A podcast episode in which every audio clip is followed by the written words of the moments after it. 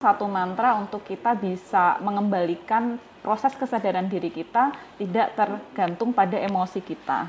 Banyak loh mbak, mereka nggak bahagia karena mereka tergantung sama uh, Emosinya emosinya sendiri. sendiri. Iya. gitu. Selamat datang di podcast Ruang Bahagia, mengulik cerita dari orang-orang inspiratif tentang perjalanan hidup mereka untuk menemukan ruang bahagia dalam dirinya, bercerita, berbagi, dan memberi inspirasi. Karena semua orang berhak untuk bahagia.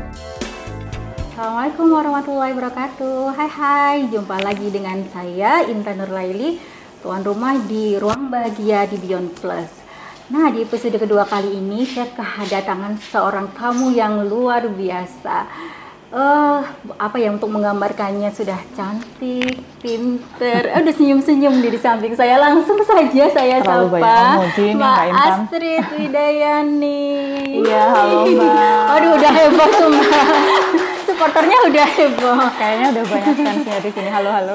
iya. Assalamualaikum Mbak Astrid. Waalaikumsalam Mbak Intan. Terima kasih sudah diundang nih di ruang bahagianya Mbak Iya. Intan. Senang banget. Jadi ini merupakan episode yang kedua ini Mbak ini ruang Oke, bahagia. Tapi oke. meskipun sebelumnya Mbak Astrid udah juga pernah ya jadi Iya. tamunya di ruang apa namanya di Di podcast yang Beyond lainnya, Plus di ya. Beyond Plus ya. Ha, waktu itu bahas sama Senja multitasking. ya. Ha, multitasking perempuan mom. multitasking ya kan waktu itu bahas tentang itu tapi kita kali ini nggak bahas tentang itu nanti Iya, iya. sama ya kajiannya kita Boleh, akan bahas Mbak. Satu yang lain kita akan mengulik cerita menarik nih dari seorang Astrid Widayani bagaimana Mhm. sih strategi beliau begitu kisahnya beliau menemukan ruang bahagia dalam dirinya Iya, Mhm. gitu tapi sebelum masuk ke tema nih mbak cerita dulu dong sekarang aktivitasnya apa sih Masih sama sih Mbak Intan Masih ya. sama? Sa- sekarang lebih saya singkat jadi edupreneur gitu aja. Edupreneur. Karena kalau ah, dulunya saya sebutkan satu-satu gitu masih di ketua yayasan, kemudian ada juga di ah, PT saya juga sebagai direktur dari. Unri Solo, WRP dan lain-lain. Jadi semuanya bergerak di bidang pendidikan. pendidikan oke Mhm. Tapi juga kita mengusahakan uh, selain di bisnis ada impact ke pengembangan pendidikan di Solo khususnya sampai ke Indonesia. Jadi sering kita bikin event juga, Mbak. Iya. Jadi kayak webinar, terus uh, ya kegiatan-kegiatan seminar sampai dengan tahun kemarin kita bikin festival pendidikan pertama hybrid di Solo. Wow, kayaknya eh, heboh sekali waktu itu saya juga lihat tuh di Instagram Iya, promo-promonya gitu ya luar biasa. Nah kita masuk nih ke ruang bahagia Mbak Astrid. Namanya ruang bahagia Iya, ya. iya. Kita pingin tahu nih sebenarnya persepsi Mbak Astrid sendiri nih Iya, tentang iya. bahagia itu seperti apa sih? Hari ini pun saya diundang sharing itu sudah masuk ruang Udah masuk bahagia juga. Karena memang salah satu kebahagiaan saya secara pribadi itu memang sharing. Gitu. Sesederhana itu sebenarnya. Kalau orang Sesimpel itu Ses- gitu iya, ya. sesimpel itu. Jadi kalau orang bilang "Eh, jangan lupakan apa yang kamu suka gitu. Biasanya kan orang fokus ke hal-hal yang mungkin kita kurang gitu Iya, kan. betul. Apa yang membuat kita sedih, apa yang membuat kita mungkin eh, buat perbandingan gitu ya dengan teman-teman yang lain. Tapi justru kalau saya sih fokus ke diri. Ya, di- fo- diri kita Diri tuh sendiri. eh, eh, diri sendiri itu kita senengnya apa sih gitu kayak misalnya saya hari ini diajak sharing ya itu ruang bahagia saya juga. Oke. Ya kalau kita melihat gitu ya seorang Mbak Astrid gitu, ya, Iya. kayaknya kita melihat sosok yang sempurna nih. Ah, Apalagi sih enggak, gitu. enggak ada manusia yang sempurna. ya apalagi sih gitu udah cantik, Iya. udah pinter, udah nyusu, udah semuanya ada kayaknya. Iya, iya. Orang si, sa- wang sinawang Wang gitu ya, sinawang. Mel. wang sinawang seperti itu. Boleh nggak cerita sih Mbak Astrid, ada nggak Iya. di satu masa gitu dalam kehidupan Mbak Astrid mendapati di posisi yang nggak nyaman gitu. Iya, iya. Heeh. Ya pastinya ya Mbak, kita semua manusia, kita nggak sempurna, tapi kalau boleh sharing tadi yang disebutkan Mbak Intan tuh saya bisa sampai di titik sekarang, itu juga baru saya ajak teman-teman yang lain nih, teman-teman muda, namanya uh, lifelong learning. Oke. Jadi kita nggak pernah berhenti belajar. Betul. Kok tiba-tiba Astrid bisa masuk dapur, bisa masak, kok bisa tiba-tiba nyanyi, main musik, semua kita coba awalnya. Dan dari kita coba, ternyata uh, kita ada bakat di satu bidang, kita akan tekuni dan di situnya uh, kita akan temukan bahagia tersendiri gitu Mbak. Oke. Jadi nggak nggak puas di satu uh, satu keterampilan atau satu kemampuan gitu. Kita akan coba yang lain. Tapi kalau ditanya yang apa pernah di titik yang kita nggak pas ya pasti Mbak, pasti ada. pasti ya. Iya, pasti ada. Contohnya, Contohnya banyak loh sebenarnya teman-teman. Cuman uh, justru itu uh, apa ya kalau boleh dibilang ketika uh, orang melihat mungkin kalau di media sosial kemudian uh, kenal saya sekilas gitu ya, Iya, itu kan happy gitu. Semua kok kamu kok nggak pernah negatif ya Iya, Trid gitu. Kayaknya nggak pernah susah gitu. itu sebenarnya uh, semua fail kita atau failure kita gitu ya, kegagalan kita itu memang uh, menjadikan kita untuk naik tangga di uh, level yang berikutnya mm -hmm. di semua keterampilan yang akan kita tingkatkan tadi. Yeah. Mm -hmm. Atau mungkin kalau kita ngomongin jabatan bisa, atau mm -hmm. mungkin kita ngomongin ke status dalam uh, lingkungan sosial juga bisa. Mm -hmm. Tapi dalam proses kegagalan itu pun perlu kita uh, apa namanya kita simpan kita gunakan untuk pembelajaran sendiri gitu. Okay. Contohnya Mbak, hmm. dulu sebelum uh, masuk ke dunia pendidikan, saya ingin membangun kepercayaan diri. -hmm. Itu sempat di modeling kan waktu yeah. sekolah dulu. Putri Solo juga pernah ya Mbak? Iya, ya? Putri Solo -hmm. di Duta Wisata Jawa Tengah juga yeah. pernah gitu kan. Sampai di Semarang pun saya ikut Denok Semarang, Mbak. Oh. Mewakili kota Semarang iya, gitu. Yeah, yeah. Jadi uh saya uh, apa namanya? Uh, namanya personal development tuh selalu saya uh, bangun -hmm. gitu. Tapi di satu titik misalnya nih ternyata modeling itu nggak cuman bisa difoto, tapi yeah. kamu harus bisa uh, menghafal koreografi untuk okay. blocking mm -hmm. dan seterusnya, bagaimana menyesuaikan karakter dengan baju dari desainer iya. misalnya. Yeah. Nah itu misalnya nih ya, saya lupa-lupa, aduh masih salah, itu kan juga kegagalan ya, sampai yeah. kita tuh pernah ya ada di satu event belakangnya itu uh, apa mbak kain. Mm -hmm saya tuh lupa saya sandaran sambil nunggu giliran jatuh, jatuh.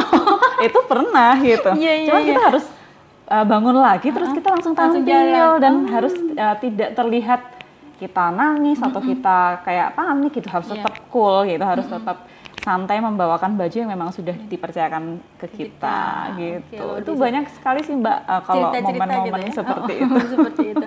Tapi Mbak Astrid tadi kembali gitu ya menyatakan apa yang disampaikan Mbak Astrid bahwa untuk bisa menemukan satu titik kebahagiaan kita perlu mencari gitu kan. Betul. Kita tuh di mana sih gitu ya? Mm -hmm. Apa namanya passion yang kita miliki passion gitu yang kita ya? miliki yang bikin kita happy apa? Berarti yang kita yang paling bikin kita happy itulah passion kita gitu ya mbak? Ya bisa dibilang jangan fokus yang teman-teman punya hmm, gitu, tapi okay. apa yang kita uh, punya yang buat bikin kita senang hmm, gitu. Untuk mbak Astrid berapa lama nih bisa menemukan oh nih okay. passion saya nih gitu, yang okay. bikin saya happy gitu? Hmm, hmm, hmm, itu juga relatif ya setiap orang, uh -uh. mungkin rumusnya juga beda-beda, tapi kalau saya sih uh, selama ini jadi pengalamannya ada ini mbak kayak tiga stage gitu hmm. selalu hmm. apa pun pelajaran dalam hidup yang membuat akhirnya saya happy hmm. jadi harus mengalami satu tuh namanya experience yeah. jadi saya harus mengalami betul-betul pengalaman yang baru gitu hmm. ya di situ ada mungkin rasa gagal rasa hmm. malu hmm. mungkin juga belum seperti yang kita harapkan gitu ya tapi di satu sisi ya sudah kita mengakui itu sebagai stage experience gitu Okay. Mungkin kita sekarang uh, di bidang pendidikan oke, okay. nanti tiba-tiba kita nggak tahu harus terjun ke dunia yang, yang lain, lain nih, misalnya iya. ke apa namanya politik atau saya, saya nggak tahu ya, mungkin ke depan seperti apa. Cuman itu sebuah experience yang harus dilalui misalnya. Nah, kemudian di stage kedua itu saya melihat memang uh, kita akan mengalami expertise, Mbak. Oh. Jadi setelah kita coba, coba, coba gitu ya, gagal, ya. coba, gagal, coba, terus uh, apa namanya? Uh, istilahnya jatuh bangkit lagi mm -hmm. tadi, mm -hmm. kita akan menemukan satu titik di mana oh ternyata saya bisa loh gitu menguasai ini gitu. Mm -hmm. Kayak tadi misalnya main musik, mm -hmm. kayak misalnya tadi uh, masak gitu yeah. ya, hal-hal kecil seperti itu. Baru nanti kalau setelah selesai itu uh, akhirnya ketemu wisdomnya, Mbak. Oh. Okay. Oh, inilah yang membuat saya happy gitu. Mm -hmm. Itu nanti pasti ketemu. Jadi memang prosesnya nggak nggak sesimpel oke okay, okay. aku masuk ini langsung happy gitu ya. Bidang baru gitu. Pasti semua akan mengalami tiga hal itu kok. Butuh perjuangan juga iya. gitu ya. Butuh untuk menemukan oh ini aku ternyata bakat loh di iya, sini. jadi kalau kalau kita gitu. lagi sedih hmm. gitu ya aduh kok berat sekali. Mungkin teman-teman yang masih kuliah ya. Iya aduh teman-teman yang masih kuliah.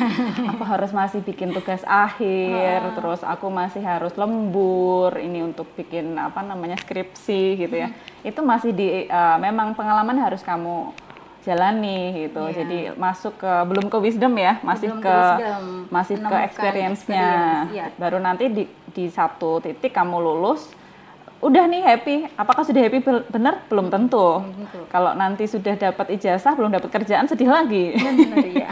Tapi kalau udah dapat wisdomnya, kalau sudah dapat uh, istilahnya kebijaksanaan dalam hidup gitu ya, lesson of life-nya. Mm -hmm Oh iya, aku dulu memang mengambil jurusan ini, aku lulus memang saya niatkan untuk mencari pekerjaan di bidang ini dan sukses di bidang ini hmm. akan bahagia Mbak. Hmm. Itu yang akan melandasi hati kita untuk tetap bersyukur. Oke, okay. jadi tapi kalang kalang gini Mbak Astrid, hmm. uh, kita tuh pengen hidup ini mencari pengalaman gitu ya. Iya. Tapi kok kayaknya pengalaman terus pengalaman terus nggak rampung-rampung. Oh, ini- di level oh, pertama benar, itu nggak rampung-rampung gitu. Tidak Mbak. semua orang juga enjoy cari pengalaman kayak saya mungkin ya Mbak ya. Males gitu kayak eh, yang yang simpel-simpel aja gimana gitu. Ya eh, ada sih Mbak beberapa istilah-istilah yang gampang switch gitu ya. Kita dari sedih bisa jadi senang atau kita dari kecewa mungkin patah hati ini ya broken heart Aduh, gitu. aduh, nih bisa move on. senyum tuh Mbak. Yang- yang yang dari patah hati bisa langsung move on itu juga beberapa uh, istilah juga bisa kita gunakan sebagai tanda kutip uh, apa ya mantra gitu ya mantra itu kan nggak selalu yang berbau-bau sulap atau apa Iya, tapi iya. uh, kita uh, gunakan magic ini untuk kita pengen switch untuk uh, satu hal yang kurang seperti yang kita harapkan untuk sesuatu yang seperti kita harapkan. Itu misalnya kita menggunakan istilah what if. What if What if, bagaimana jika gitu. Kan kalau kita misalnya mau maju lomba nih ya pasti kan aduh pasti ini nanti gini ini gini gini. Nah itu what if-nya harus dibalik menjadi yang positif nih. Misal, what if gimana kalau aku jadi daripada bilang di- gimana kalau aku gagal, Gagal, kita ha-ha. ganti gimana kalau kita berhasil, Berhasil, gimana oke. kalau aku nanti juara ya gitu. Gimana caranya untuk aku bisa jadi juara? Jadi what if ini uh, mantra juga buat saya mbak. Kalau masuk di suatu situasi tertentu yang nggak kita harapkan tapi mau nggak mau kita harus memotivasi diri kita. Ada self talk ya ada uh, sebuah dorongan atau motivasi untuk kita ngomong ke diri kita sendiri what if sebaliknya yang positif Oke. gitu. Terus ada lagi uh, mantra yang kedua itu banyak nih mbak saya mantranya saya bagikan di ruang bahagia loh. Wah luar biasa nih kita dapat banyak Iya, iya. mantra.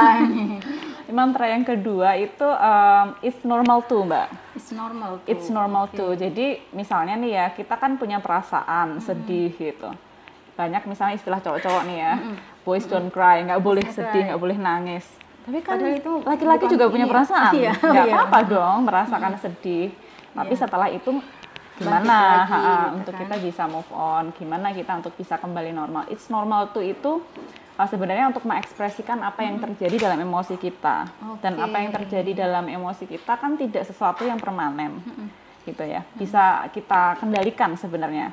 Jadi uh, it's normal tuh itu satu mantra untuk kita bisa mengembalikan proses kesadaran diri kita tidak tergantung pada emosi kita. Banyak loh mbak mereka nggak bahagia karena mereka tergantung sama uh, Emosinya, emosinya sendiri, Oke, gitu Dia jadi tidak bisa berdamai dengan dirinya Betul, sendiri. betul. Jadi kayak misalnya dia sedih gagal karena mungkin nilainya tidak sesuai yang diharapkan ke bawah terus itu ya.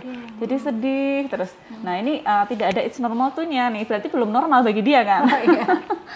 nah itu. Mantra kedua, tapi saya potong dulu Oh, Mbak, di boleh, mantra boleh. kedua. Eh, apa bedanya eh, apa namanya tadi yang mantra What kedua if? what if? What if Bukan, dan eh, if normal normal tuh, if normal tuh dengan itu adalah apologi buat diri kita misalnya nih kita kan kita belum mendapat kesuksesan, kesuksesan nih Iya. kita masih gagal dalam melakukan sesuatu ah wajar kan kalau gagal gitu akhirnya menjadikan itu pemakluman buat kita sendiri Iya, gitu akhirnya iya. membuat kita Akhirnya- stuck berhenti yaudah deh emang kok aku kan nggak bisa gitu gitu Iya, itu itu, harus bukan- digarisbawahi it's normal tuh itu lebih ke untuk mengendalikan emosi. oh, oke Ya tidak boleh untuk alasan-alasan yang lain. bukan untuk Jadi mengapologi misalnya, diri sendiri misalnya gitu ya nih, ah, ya wajar dong cowok nggak bisa masak misalnya gitu. betul. Ya nggak boleh. Ini kita boleh loh, kita ngomonginnya kita ngomonginnya lebih ke membatasi dari segi emosi saja. Jadi Oh. tidak terbawa sedih, tidak terbawa galau, nggak baper lah mbak kalau anak sekarang itu. oke jangan baperan gitu Jangan ya baperan. dicatat ada senyum-senyum Mbak ada mantra yang paling penting sih Apa Mbak, nih? Karena ketiga. kita uh, karena kita sudah dealing dengan pandemi ya dua tahun lebih kan. Dan mantra terakhir ini uh, sesuatu yang sebenarnya kita istilahkan kalau pandemi menjadi endemi, hmm betul gitu. Namanya koeksis. Koeksis apa? Koeksis. Sorry loh Mbak, ini banyak istilah baru nih hari ini. koeksis aku malah dapat ilmu baru Ya, nih banyak jadi nih. koeksis itu adanya dua hal yang kontras, contrary, tapi bisa berjalan seiringan, oh gitu. Jadi Dua hal misalnya yang ber, ber, berkebalikan Iya, misalnya, berkebalikan. atau berke- eh, apa? tapi kita jalani pada saat yang sama. Misalnya nih ya, uh, aku mau presentasi di depan umum di depan seribu orang, nggak pernah kan? Mm-mm. Biasanya cuma teman sekelas 10 orang. iya In contrary, berarti apa? Pengennya confidence. betul Nah, berarti yang uh, contrary-nya apa? anxiety misalnya, Anxiety, cemas gitu ya, deg-degan, khawatir gitu. Betul. Jadi antara confidence sama anxiety itu dijadiin satu aja, sebelahan. Caranya?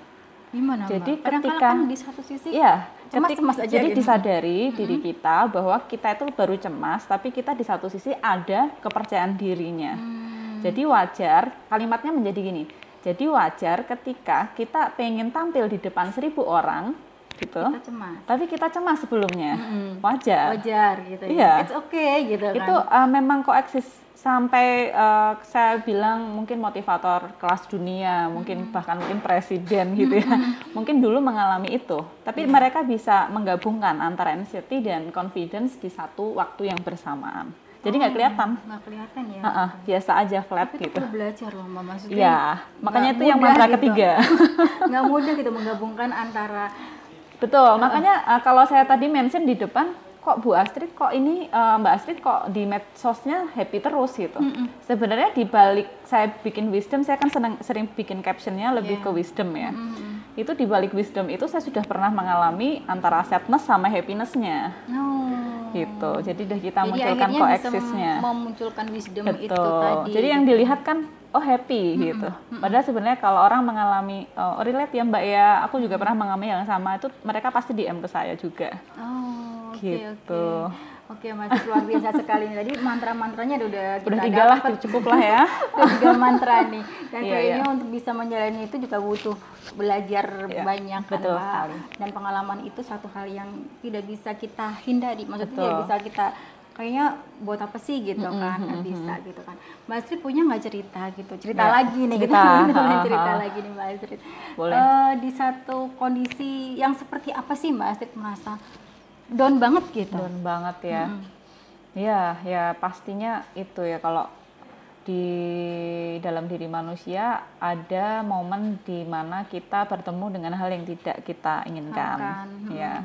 Jadi ada sesuatu apa ya jarak yang sangat besar antara harapan dan kenyataan. Mm-mm. Gitu. Itu kalau pengalaman saya ya pernah kehilangan almarhum ayah saya ya, almarhum bapak. Iya. Kemudian pada waktu saya berjuang untuk punya anak sampai tujuh tahun lebih. Oh iya Mbak, Oh iya, baru betul. tahu nih saya Iya. nih. Padahal ada dua jagoan itu Iya, ya. alhamdulillah sekarang udah ada dua jagoan. jagoan. ya. Saya harus nunggu tujuh tahun sampai tahun ke-8 pernikahan kan diberi uh, momongan, titipan dari Allah gitu. Jadi antara harapan sama kenyataan yang jauh itu bagaimana kita bisa manage di ruang bahagia kita, di kita cari yang memang pada waktu itu mungkin tekanannya juga luar biasa banyak sih mbak. Kayak kenapa sih uh, masih pengen kerja ya? Kok belum punya pengen uh, uh, belum pengen punya anak dan lain sebagainya gitu. iya. padahal bukan keinginan karena saya itu, gitu. Oh, iya. jadi memang uh, memang waktunya belum pada waktu itu. Uh, ada juga yang waktu saya S3 itu sampai dua kali saya uh, apa ya bukan DO ya lebih ke saya cut. Untuk saya mulai lagi saya cut saya mulai lagi sampai ini yang ketiga mbak nggak tahu kan orang-orang Iya. jadi yang pertama saya pernah kuliah di UGM, pernah daftar. Mm-hmm. Terus kuliahnya harus Senin sampai Kamis, akhirnya saya out. Saya pindah lagi ke uh, UII yang Jumat Sabtu pada waktu itu di Jogja. Terus bapak meninggal, saya harus uh, cuti. Kemudian, Menata eh sorry, ya gitu. sebelumnya, ha, sebelum sebelumnya saya hamil. Itu kan karena udah udah lama nggak punya uh, anak, uh, ha, iya. jadi saya harus cuti. Terus ad- anak saya lahir kayaknya enam bulan tujuh bulan bapak saya meninggal, saya harus cuti lagi. Terus kelamaan, terus akhirnya saya harus keluar juga S3-nya. Jadi udah dua kali saya keluar.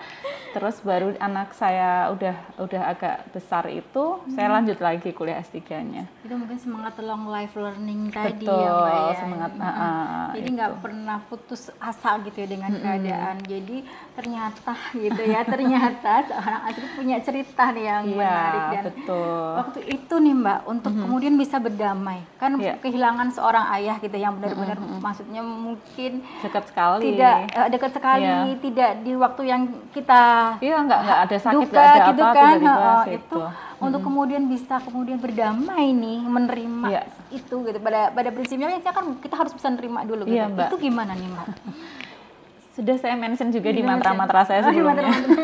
ya kalau kasusnya Bapak misalnya, uh, saya waktu itu harus menyadari uh, saya sedih gitu ya. Iya. It's normal to sad gitu kan. Oh, kalau kehilangan oke. seorang bapak kan wajar kalau sedih.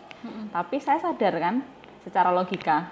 Setelah ini what next uh, I have to do kan? Apalagi yang harus saya kerjakan uh, setelah bapak meninggal? Uh, apa hal-hal legalitas yang harus saya penuhi, Hmm. kemudian dari operasional kampus pada waktu itu gitu ya. Iya, padahal Jadi ada tanggung jawab yang padahal besar setelah itu perasaan ya. Hmm. saya pada waktu itu sedih gitu, tapi tetap harus jalan. Jadi uh, ya mantra-mantra itu tadi yang saya gunakan Hmm. untuk sampai sekarang pun tidak mudah Mbak Intan Hmm. untuk mengelola beberapa uh, bisnis sekaligus Iya. dengan saya menjadi seorang ibu kita perempuan ya anak betul. saya masih kecil-kecil dan saya harus lanjut kuliah lagi karena memang bisnis saya pendidikan Iya, gitu. Jadi uh, kalau saya istilahnya meh minta tolong seorang profesor atau dokter ini kan ya nek kita cuma S2 gimana gitu. gitu. Jadi ya memang uh, kita harus sebagai pemimpin harus menjadi teladan juga gitu. Saya cari yang sekaligus mencari wawasan akhirnya saya pilih S3 di Swiss. Jadi bisa saya sharing juga untuk uh, sudut pandang baru, kemudian pendekatan-pendekatan yang dulu mungkin belum digunakan di Indonesia bisa kita gunakan di sini. diaplikasikan di Indonesia Betul. gitu ya dengan ilmu-ilmu yang baru gitu. Oke, berarti kan tadi satu hal gitu ya yang perlu untuk kita pahami sebelumnya adalah ketika sesuatu yang tidak kita harapkan itu terjadi Mhm. eh, pada langkah pertama kita harus menerima dulu gitu ya. Menerima. Menerima dulu. Betul, menyadari, menyadari, gitu ya, menyadari. bahwa it's it's normal It's to normal happen to gitu ya. happen, Itu, iya. itu biasa terjadi gitu Iya, ya. iya. Itu bisa terjadi pada siapa pun mungkin ya. Iya. Yang bisa kemudian baru kita bisa mengolah gitu ya, Betul, mengolah rasa betul. kita untuk bisa kemudian berpikir apa sih yang harus kita lakukan selanjutnya. Iya, Mbak. Hidup nggak akan berhenti gitu kan ya Mbak ya. Setuju, Mbak. Hidup harus terus berjalan dengan ini.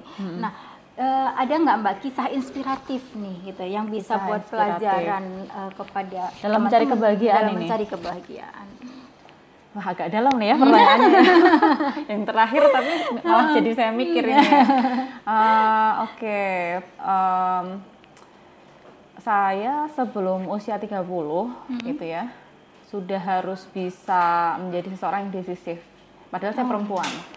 Jadi eh, kalau dibilang dulu wanita itu susah untuk jadi pemimpin, apalagi di agama Islam kan juga diajarkan pemimpin itu laki-laki ya. Memang betul karena memang secara kodratnya kita itu jauh lebih menggunakan perasaan. Iya. Kalau decisiveness itu kan eh, kemampuan untuk bisa cepat mengambil keputusan ya.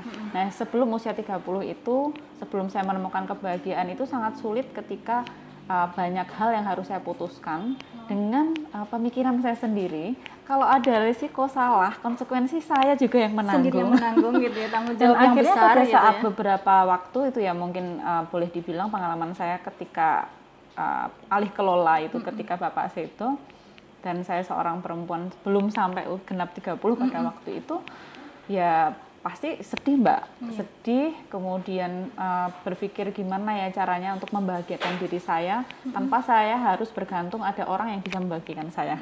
Agak susah ya Susah ya gitu agak susah ya. tapi memang itu terjadi terjadi karena uh, yang bisa membuat uh, diri kita bahagia memang diri kita sendiri kembali ke saya bilang di awal tadi ya Iya betul. jadi pada waktu itu ya sudah akhirnya saya harus uh, berpikir gimana caranya uh, banyak keputusan yang bisa diambil apa pun resikonya bisnis kita kembangkan. Tapi ada satu uh, sudut atau satu hari khusus gitu ya yang memang itu benar-benar me time banget mbak. Itu yang dulu saya nggak ada. Sekarang jadi ada. Dan itu alhamdulillah dari suami dari uh, keluarga itu sudah hafal oh kamu baru butuh ini ya menyendiri ya gitu. Oke. karena memang butuh ini ya uh, kesadaran yang tinggi untuk akhirnya kita bisa uh, apa namanya bisa lebih kuat gitu dan mencari kebahagiaan yang sejati Hmm, oke. gitu Belum berakhir nih Mbak. Satu lagi saya masih pengen pengen diskusi siap, dengan- siap. ingin sharing dengan Mbak Astrid nih. Tadi dikatakan bahwa eh, untuk bisa menciptakan bahagia itu dari diri kita sendiri, Dari gitu diri kan. kita sendiri. bukan orang lain yang kasih gitu. Ini kasih bahagia nggak bisa kan kayak gitu. Nah, tapi eh, kita tidak bisa memungkiri gitu ya bahwa supporting system itu Betul. hal yang sangat eh, Penting. penting. sekali Sangat gitu penting, kan. ya. Bagi Mbak Astrid sendiri gimana nih Mbak? Iya, sangat penting, betul. Saya setuju, Mbak. Cuman tadi yang saya sampaikan sebelumnya, memang uh, dalam konteks kalau kita nanti udah on the top position ya, kalau teman-teman nanti pengen sukses, uh, teman-teman akan di top uh, posisinya di paling puncak, pasti akan merasakan itu, gitu. Jadi butuh ruang untuk sendiri. Tapi kalau secara umum, berarti kan eh, gimana mbak tadi berarti Supporting support sistemnya. sistemnya eh, gimana ya? Kalau posisi saya tuh kayak penting tapi kita nggak boleh tergantung banget gitu. Oke. Karena ja- jatuhnya kalau mereka nggak seperti yang kita harapkan terjadi gap lagi, lagi, iya. kita jadi kecewa gitu. Mm-mm. Jadi malah cenderungnya nah, kita mengkomunikasikan dengan baik dengan keluarga, dengan teman-teman, sahabat. Sebenarnya kita punya visi apa sih gitu. Kita punya eh, apa namanya dalam pekerjaan itu kita punya goal apa gitu. Sehingga ketika mereka tahu misalnya ini ya saya harus pulang setiap hari maghrib gitu. Iya. Terus anak-anak juga tahu oh, bisanya main sama mama sehari full itu weekend Iya. misalnya itu mereka sudah terkomunikasikan dengan baik nah support system itu juga akan uh, secara alami membantu untuk menguatkan kita tapi sebaliknya kalau komunikasinya nggak baik ya biasanya gimana ya ya jadi Jadi gapnya yang muncul gapnya tadi semakin ya, jauh semakin dan jauh. semakin kecewa jatuhnya yang paling berpengaruh bagi Mbak Astrid atau penting dirasain gitu ya Mbak Astrid Iya, iya. supporting system itu dari mana Mbak? kalau saya partner of life sih mbak Dari suami. pasangan ya? Iya dari suami. pasangan. Saya nggak mungkin di titik ini juga karena, karena uh, apa nggak direstui sama suami gitu. Iya, iya, sampai betul, bisa melanjutkan usaha keluarga, sampai bisa mengembangkan bisnis. Saya suka sharing di mana pun. Iya. Itu suami saya tahu dan dia sangat support sekali. Uh, kalau wanita dibilang udah kamu di rumah jaga anak-anak ya udah. Gitu selesai gitu selesai Jadi kalau sekarang semuanya. support system saya yang paling kuat memang suami. Dia memang nggak kelihatan tapi di belakang layar doanya kuat Supportnya untuk luar saya. biasa ya, tapi gitu juga ya. uh, kalau boleh saya jujur, yang sehari saya mendampingi, seharian saya mendampingi itu ibu. Hmm. Nah, ibu ini yang tahu dari saya kecil sampai saya sekarang, yang uh, mana ibu itu juga selalu percaya. Orang tua ya, orang tua itu selalu percaya sama kita. Nah, kepercayaan orang tua itulah yang justru menjadi support system kita. menguatkan kita Menguatkan gitu ya kita. ketika terjadi sesuatu gitu Betul. kan sering sharing juga nggak sih mbak maksudnya kalau menghadapi sesuatu atau lebih tadi. Menjadi perempuan yang independen udah bisa selesaikan sendiri kayak gitu atau Enggak, sebaliknya sih, saya malah sering sharing. sering sharing Sering ya. sharing ke ibu, ke suami, Mm, gitu. dengan orang-orang yang dipercaya gitu ya untuk Iya, bisa betul. menjadi apa sih kita solusi apa yang tepat untuk bisa kita ambil gitu ya mbak ya Betul. Oke, luar biasa sekali pada uh, kesempatan kali ini kita Hmm. sudah banyak berbincang dengan Mbak Astrid bahkan sudah mendapatkan banyak mantra tentang bagaimana bisa Iya. menemukan ruang bahagia Ruang dalam diri bahagia. kita. Untuk switch secara cepat Untuk ya. switch secara cepat dari kita uh, Sedih, apa namanya sedih menjadi jadi bahagia, bahagia gitu. kembali. Yang pasti jangan terlalu baper gitu ya Mbak ya Betul. Dengan menghadapi sebuah kondisi bahwa semua kondisi itu normal terjadi. Mhm, Apa yang perlu bisa kita bangun dari persepsi kita what, what if tadi gitu. Mhm. kan untuk menjadi lebih baik lagi kita balik persepsinya sehingga ruang bahagia itu bisa semakin Termasuk mudah koeksis juga. termasuk koeksis gitu ya mendampingkan antara, Antara dua hal, dua hal yang yang, sangat berbeda sangat dalam berbeda kita. untuk bisa menjadi sebuah solusi nih bisa mendapatkan eh, apa namanya sebuah strategi untuk bisa mengatasi hal yang tidak kita harapkan. Betul. Jadi jangan khawatir kalau dengan partnernya nanti atau suami istri itu banyak perbedaan itu malah lebih Jangan- bagus. Oh gitu ya. Jadi jangan Ya. mencari persamaan ya. Iya, itu bagus juga. Bagus Cuman juga. dalam konteks ini koeksis itu yang akan saling mendampingi satu sama Oke, lain. lebih saling menguatkan, Iya, melengkapi, gitu melengkapi, kan ya, melengkapi. Oke, terakhir Terima Mbak. Astrid nih. Iya, Mbak. Masih terakhir ada ya. lagi, Mbak? Enggak, terakhir. Oh, terakhir. Mungkin closing statement aja Mbak Astrid statement buat ya. teman-teman yang sedang menyimak ini baik, gitu ya. Baik, iya, iya, iya, iya. Eh, karena judulnya ruang bahagia ya akan saya bahas juga tentang eh, tadi ya beberapa mantra yang sudah saya sampaikan di obrolan kita kali Iya, ini. Itu adanya what if, kemudian ada eh, it's normal too, dan juga ada coexist itu harus dibawa sebagai bekal kita sehari-hari. Jadi kapan pun terjadi perubahan dalam hidup, ketidaksesuaian antara kenyataan dan harapan, Iya. kemudian bahkan terjadi apa ya hal-hal yang mengejutkan gitu ya. Hal-hal yang tiba-tiba uh, saya kehilangan orang tua pada waktu itu tuh uh, kita bisa tetap stabil dan tetap happy.